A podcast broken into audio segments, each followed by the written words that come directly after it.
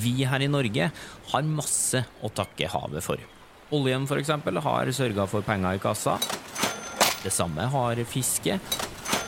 Og skipsfart har gitt oss muligheten til å handle med resten av verden. Og inni denne miksen så ligger det masse forskning bak. Men hvordan skal vi sørge for at vi klarer å ta nye steg på havfronten i framtida også?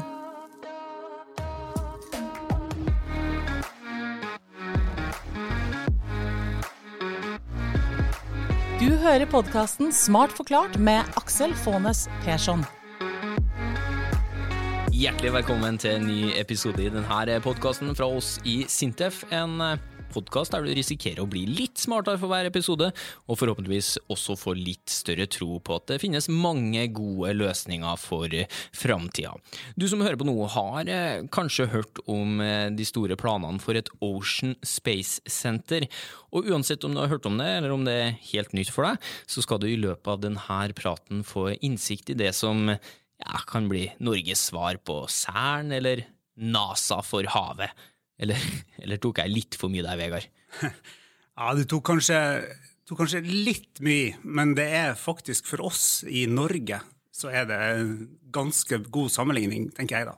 Nydelig. Vegard Johansen her er administrerende direktør i det som heter Sintef Ocean, og er en av dem som gleder seg veldig til den dagen han endelig kan være med på åpninga av det her Ocean Space Center. Eh, og det tenker jeg, det må vi bare avklare med en gang, eh, Vegard, sjøl om det heter Space Center, så det er ikke snakk om noe verdensrom her. Nei, vi snakker om havrommet. Havrommet er jo så ufattelig spennende. Det er så stort, og det er så ukjent. Eh, så for oss i Norge, som jo i stor grad lever av det her havrommet, da, så er det jo viktig å både forstå det, men også utnytte det på en veldig god måte. Som er selvfølgelig bærekraftig, og alt sånt, men også sånn at eh, vi kan skape nye arbeidsplasser, nye løsninger, og ikke minst bruke den kompetansen som vi nå har opparbeida oss gjennom så uendelig lang tid som vi har operert i havrommet. Mm. Og for alle som ikke er like dypt eh, inne i Ocean Space Center som deg, da, hva, hva er Ocean Space Center for noe? Ocean Space Center det er et verktøy som vi skal bruke til forskninga vår. Og det er et verktøy som kommer til å bli et landemerke i Trondheim. Det er et verktøy som forskerne kommer til å utnytte for å eh, utvikle norske havnæringer. Det er et verktøy som næringslivet kommer til å bruke for å få enda bedre produkter, skape enda flere arbeidsplasser. Og så er det et verktøy for å løse de store utfordringene som ligger framfor oss. Da tenker jeg på klima, jeg tenker på miljø, jeg tenker på selvfølgelig økonomi, og jeg tenker på arbeidsplasser. Mm. Et verktøy som eh, er i form av et bygg, og folk inni det bygget, og ganske mange bygg, egentlig. Vi skal komme tilbake til det der, men eh, jo, og utviklinga den er jo hovedmålet her. Eh, hvor står havforskninga i Norge akkurat nå? Ah, det er et stort spørsmål. Det, det, er jo det som er så rart med havet, at havet er jo så ufattelig viktig for oss. For eksempel så er jo halvparten av all luft som du og jeg puster inn hver eneste dag akkurat her og nå, er jo generert i havet. Og Det er jo et bilde på hvor utrolig viktig det er for alle oss menneskene som jobber på denne landjorda. Men i tillegg til det, da, eh, så er det jo sånn at havet gir oss utrolig mye forskjellige ressurser. Det gir oss eh, mat, eh, det gir oss energi, det gir oss metaller, kan i hvert fall gjøre det i framtida. Det gir oss en fantastisk mulighet til å transportere varer. 80% av alt som du sikkert bestiller på Amazon, eller hvor du nå enn bestiller fra, som kommer f.eks. fra Kina, blir jo transportert sjøveien. Så havet er fantastisk viktig for det meste vi gjør. Alt fra å puste til å bestille et eller annet kult på internett. Ja, Er vi gode på den forskninga, eller ligger vi langt etter vi akkurat nå? Ja, vi, vi er jo i vi må jo være litt uærbødige òg når vi er på norsk radioprogram. Altså, Norge er kjempegod. Yes. Norge er helt fantastisk på havforskning. Um, og det handler om alt fra å forvalte havet til å bruke havet på en god måte. Um, I tidligere tider sant, så starta det hele kanskje med fiske, der man liksom brukte havet til å skaffe mat. Etter hvert så utvikla vi shipping, Eh, altså måte å transportere varer på, som blir veldig bra når du bruker havet. Både sånn, selvfølgelig klimamessig, men eh, før i verden så tenkte man kanskje mer på at det var effektivt å bruke havet. Eh, så er det jo sånn at eh, Vi kommer jo etter hvert inn i en eh, oljealder. og mesteparten av all olja i Norge da, er jo henta opp fra havdypene, eller fra under havet. Um, og alt det her har gjort at vi har bygd kompetanse og industri og arbeidsplasser basert på de her havindustriene. Og i dag så er det sånn at 70% av alt vi selger fra landet vårt, det kommer fra havbaserte industrier. Så vi er jo selvfølgelig kjempegode på alle vis på havforskning og utnyttelse av havet på en god måte. Ja, men hvis vi er så gode allerede, hvorfor trenger vi et Ocean Space Center? Og da er det jo sånn at når vi skal utvikle denne verden her til det beste for alle som kommer etter oss, så må vi bruke den kompetansen og de ressursene som vi har, og som vi kanskje er spesielt gode på. Og Framover vet du, så er det sånn at eh, klima kommer jo til å bli en stor utfordring. Naturmangfold kommer også til å bli en stor utfordring. Og Der vi kan bidra best fra norsk side, det er å utvikle godfoten, som de sier i Rosenborg. Eh, og da er det sånn at da må vi bruke den kompetansen vi har, og det vi er gode på. Og jeg er helt sikker på at hvis vi investerer mye mer i forskning knyttet til havet, så kommer vi til å fortsatt være et land som er godt å leve i, og som bidrar godt til at hele verden blir bedre. Ja, men hva, hva er det Ocean Space Center kan gi oss som vi ikke allerede har, da? Det gir oss jo kanskje først og fremst et nytt verktøy for å bli enda bedre i å utvikle alt det som er så viktig. Og et nytt verktøy det er kanskje litt kryptisk for uh, liksom, forskning, verktøy, hva i all verden er det, da? Men se for deg da norske skistjerne, Klæbo. Han er jo fantastisk. Men han har ikke vært verdens beste skiløper uten å ha de beste skiene.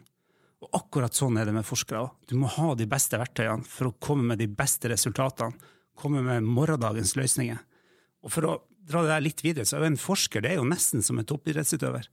Toppforskere det er jo dem som dedikerer store deler av livet sitt, fritida si, helgene sine, feriene sine, til å nettopp bidra for det de brenner så inderlig for. Og de trenger gode verktøy. Og jeg er så heldig at jeg får lov til å lede mange av dem, og jeg ser jo hvor mye det betyr for dem, og for alle som er avhengig av forskninga vår. Ja, Sier du at eh, det var en herlig sammenligning med Klæbo og forskere, men sier du at eh, det her eh, senteret nesten blir som en ja, skal vi si, smørebussen til en Klæbo? da?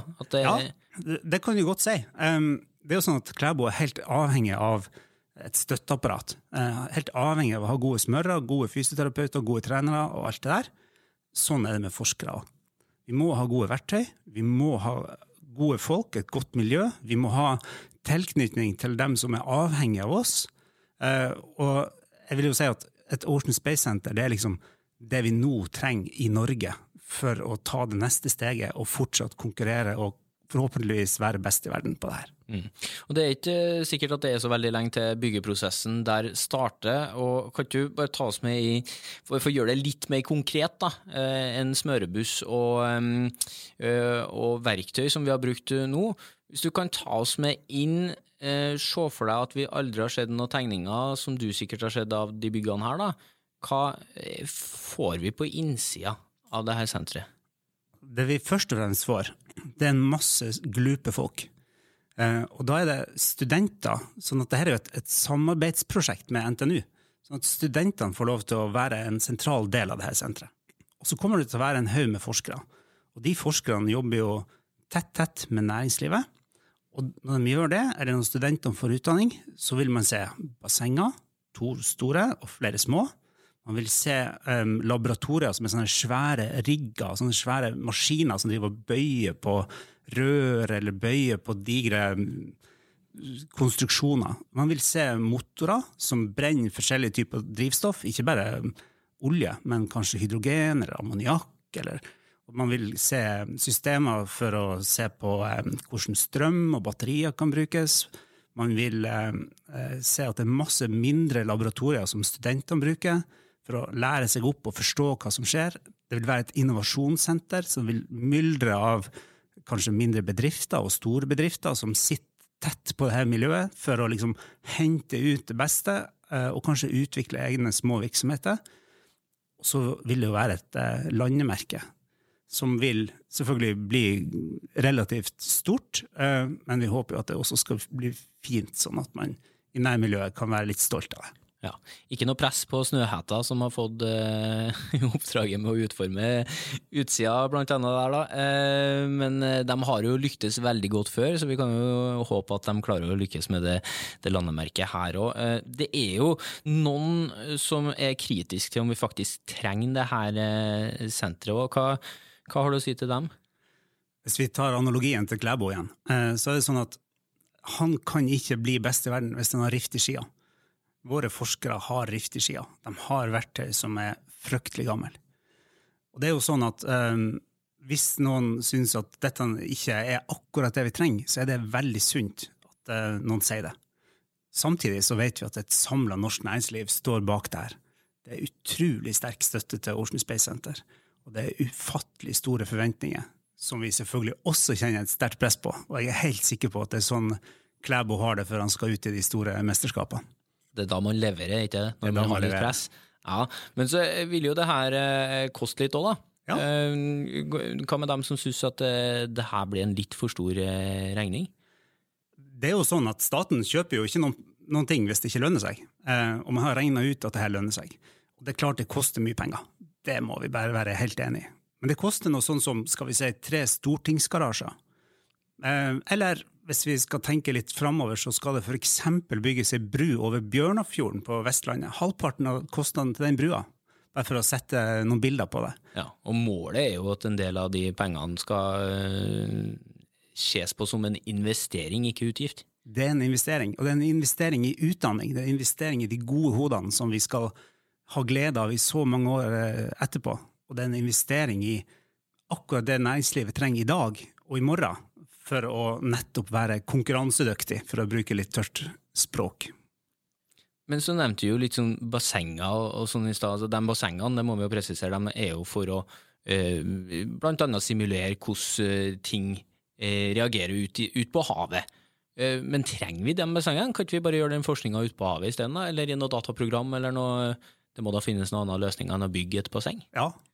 Em, nei, eh, du vet at uh, det er sånn at eh, hvis man skal gjøre det i en datamaskin, så må man ha noen beregningsmodeller. Det finnes ikke, og det kommer ikke til å finnes i vår levetid eller på de neste 100 år. Så kunne man tenke seg at man kunne bare gjøre det ute i sjøen, og det skal vi òg gjøre. Det er det som er så kult med Ocean Space Center. Ingen andre kobler sånne bassenger med det som faktisk skjer ute i verden. Så der skaffer vi oss et konkurransefortrinn. Men det som skjer i bassengene, det er at der kan vi lage bølger, vi kan lage strøm, vi kan teste båter, vi kan teste merder, vi kan teste vindparker, vi kan teste alt mulig der for å se hvordan det er. Og hvis du hadde en milliard kroner, og så fikk du beskjed om at dem får du, hvis du bare lover å bygge et oppdrettsanlegg, hadde du tort å gjøre det uten å teste det først? Nei, det tror jeg Nei, ikke. nettopp. Og det er akkurat det som veldig mange trenger i industrien i dag. Hvis du skal bygge noe nytt, noe kult, noe som virkelig kan få et, gi lokalsamfunnet et løft, så trenger du å teste det. For hvis denne nye merda di ikke tåler bølgene der det skal ligge, ja, da har du et problem, sant? Og da er den milliarden tapt. Men hvis du kan teste det først til oss, så vil du skjønne at nei, det var et eller annet her som ikke var helt bra, da må vi justere det, og så kan du bygge det. Og da blir det mye tryggere. Derfor trenger vi bassengene. Og det er det mange som bruker de bassengene dere har i dag Ja, ja, ja. eh, til allerede. Men eh, som du sier, de bassengene er jo som å eh, gå rundt med en rift i skia, da. Så det her må eh, lappes, eller kanskje bare få nye ski. Eh, Som Ocean Space Center da eh, begynner å bli et eh, bilde på. Du, eh, vi må eh, snakke litt om mulighetene eh, Ocean Space Center vil gi oss. Eh, Klarer du allerede nå å se litt inn i krystallkula og prøve å gi oss noen konkrete eksempler på hva vi får ut forskningsmessig av det her Space-senteret etter hvert? Mm. Jeg kan gi noen bilder.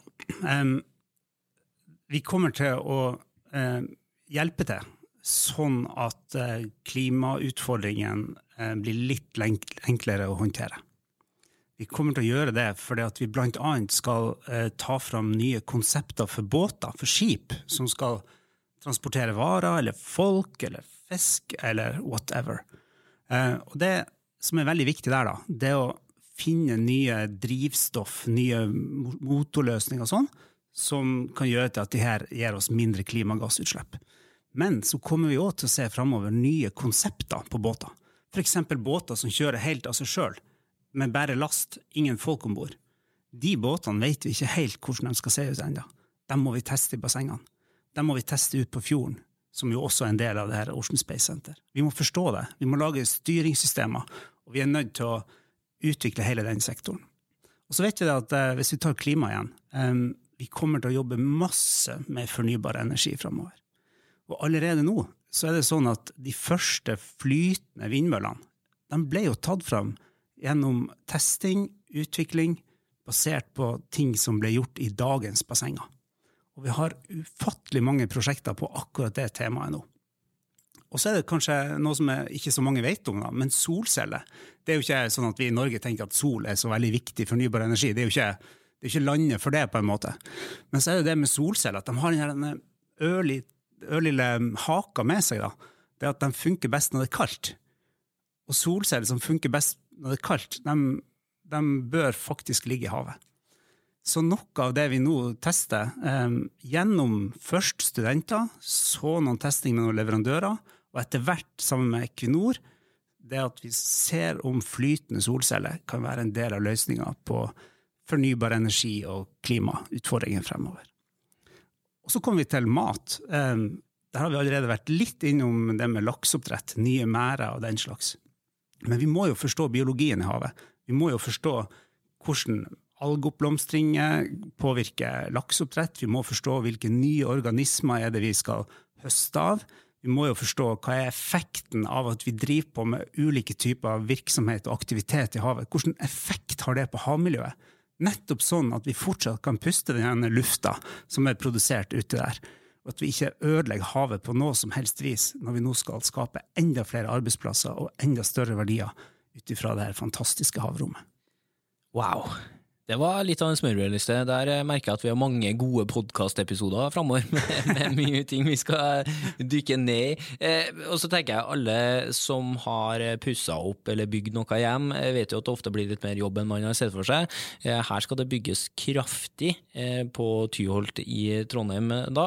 Eh, hvis alt går som planlagt eh, fremover, når er senteret ferdigbygd og, og klart til å forske på alt det spennende du nevnte her, da? Ja, da, da, tenker vi at eh, det er helt ferdig i 2028. Uh, og det er jo kjempelenge til. Men det som er så fint, da, det er at eh, det blir gradvis åpna underveis i den byggeperioden. Uh, og etter eh, noen år så vil vi se de første studentene. Eh, etter litt flere år vil vi se at stadig flere laboratorier åpnes, og til slutt altså, er alt ferdig. så vi tror jo det at det skal være ganske greit å liksom, drive med forskninga mens man også bygger. da. det blir jo litt sånn hvis vi skal holde oss til den energimetaforen altså om man skulle bygge en ny smørbu, så kan vi ikke nekte Klæbo å trene i mellomtida. Og det er jo akkurat det vi er nødt til å gjøre for å liksom ha den posisjonen fremover som vi er så heldige å ha i dag. Ja, Nydelig. Jeg tror både smørebussen, smørebua, Klæbo og skiene hans må bli Han blir invitert på åpninga, det er helt klart. Ja, må få bli invitert på åpninga.